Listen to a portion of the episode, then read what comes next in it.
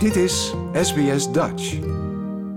Meer dan 110 migranten- en culturele gemeenschapsorganisaties scharen zich achter de ja-campagne voor het Voice-referendum.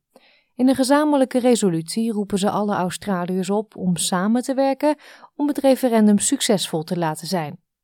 Constitutioneel advocaat Dr. Shireen Morris van het Radical Center Reform Lab aan de Macquarie University Law School hielp bij het organiseren van de resolutie. Volgens Dr. Morris blijkt uit peilingen dat mensen die thuis een andere taal spreken eerder geneigd zijn het referendum te steunen. Ze zegt dat dit laat zien dat er veel steun is voor de ja-campagne onder Australiërs met verschillende etnische achtergronden. This is our chance to give back to Indigenous people who've given up so much throughout Australian history. And I think that's why a lot of migrants um, do feel a deep sense of empathy for the plight of Indigenous people. Diane Lin is de directeur Community Engagement bij de Chinese Community Council of Australia. Ze zegt dat het Voice-referendum de kans biedt aan diverse Australische gemeenschappen om zich te verenigen. Let's stand in uh, the solidarity with our First Nations people listen to the you know cries from their hearts, support a First Nations voice to Parliament, and we can work together with all the community to build a harmonious and prosperous country for all. Ze noemt het Voice-referendum een belangrijke stap in de richting van het aanpakken van historisch onrecht dat First Nations in Australië hebben ervaren. As Chinese in Australia, we feel a privilege to great, grateful to call this country home. As a nation, we Australians have a rare opportunity to address this historical injustice and heal the wound in the heart of the, our country through the upcoming the First Nations Voice referendum.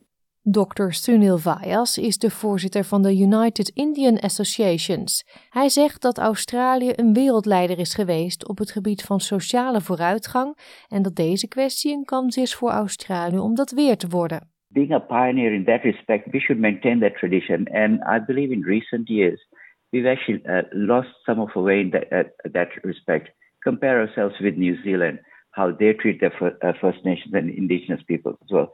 So this is a great opportunity for us as a nation to get together, all cultures, local, people born here, young, old, new migrants, all migrants. Let us all get together and actually uh, make a positive move for the future. And let's be a standard bearer for the future in social justice issues, we as a nation. Andere migranten en culturele groepen verzetten zich tegen een voice to parliament.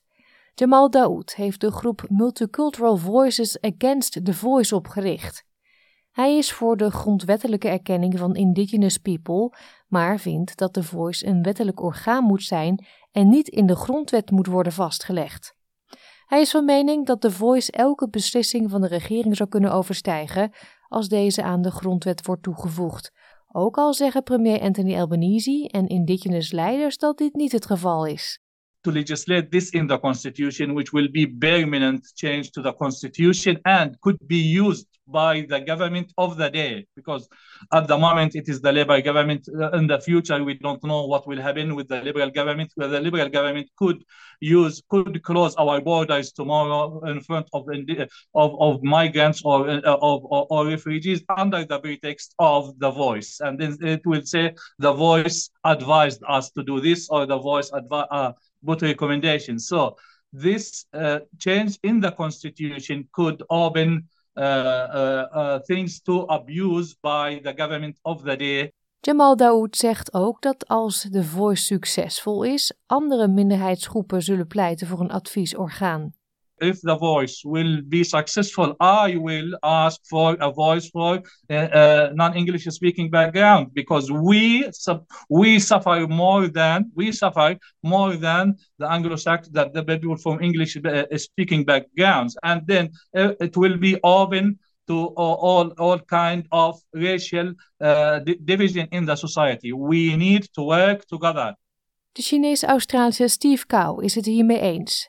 Hij zegt dat hoewel grondwettelijke erkenning nodig is voor Aboriginals en Torres Strait Islanders, het verankeren van een voice to parliament in de grondwet de samenleving verder zal verdelen. And I don't want to make the voice a racial issue, but it is. Uh, uh, fundamentally, it is because we're talking about one particular race, a First Nation, um, to have um, a certain uh, uh privilege or certain, uh, uh, you know, recognition beyond um, the Chinese community, and we all come down to Australia really to escape that kind of um, discrimination or uh, or at worst the racism that we had to put up with on a daily basis. De indigenous advocaat en doorgewinterde activist Michael Mansell uit Tasmanië is ook een tegenstander. Hij zegt dat de Voice geen echte empowerment biedt, omdat het geen diensten kan leveren, geen inkomsten genereert, geen wetten kan maken, geen financiën levert en geen land levert. Dr. Shireen Morris zegt dat Michael Mansell kritiek heeft omdat de Voice naar zijn zin niet radicaal genoeg is. Ze zegt dat het neerkomt op een bescheiden maar ingrijpende hervorming. For people on the further to the left, like uh, Michael Mansell, this is not radical enough. You know, because this is a pragmatic and highly modest um, constitutional proposal. Um, so he's right in the sense that it is not a silver bullet. Um, it doesn't completely overturn and flip the power relationship between Indigenous Australians and Australian governments. But it is an important, profound, modest yet profound reform to that power relationship. De woordvoerder van de federale oppositie, Jacinta Price, die zelf van indigenous afkomst is, is ook tegen de Voice. Zij vindt dat er nog steeds niet genoeg bekend is over de details van het voorstel. Why would the Australian people have faith in a Trojan horse? Uh, why would the Australian people want to sign a blank check. We are not just dealing with the lives of our most marginalised Indigenous Australians, but we're dealing with the lives of all Australians. Om het voice-referendum te laten slagen, moet het worden goedgekeurd door een meerderheid van de kiezers in een meerderheid van de staten en territoria. Bij gebrek aan tweeledige steun voor een referendumvoorstel in Australië leert de geschiedenis dat ze meestal mislukken. Met oppositieleider Peter Dutton, die tegen de Voice is, staat de jaarcampagne voor een grote uitdaging. Dr. Shireen Morris is desalniettemin optimistisch. There are remnants of bipartisan support. You know, the idea of a constitutionally guaranteed advisory body was developed by Indigenous leaders in collaboration with constitutional conservatives, including the Liberal now backbencher MP Julian Lisa. who uh, recently gave a speech in Parliament making the conservative case, a very inspiring conservative case for a constitutionally guaranteed Indigenous voice. Um, and there are a handful of other uh, Liberal federal MPs who say that they will uh, be advocating yes for this proposal. Dit verhaal werd gemaakt door Greg Diet, Sunil Awashti, Angelica Wade en Sophia Tarek voor SBS Nieuws en in het Nederlands vertaald door SBS Dutch. Like, deel, geef je reactie. Volg SBS Dutch op Facebook.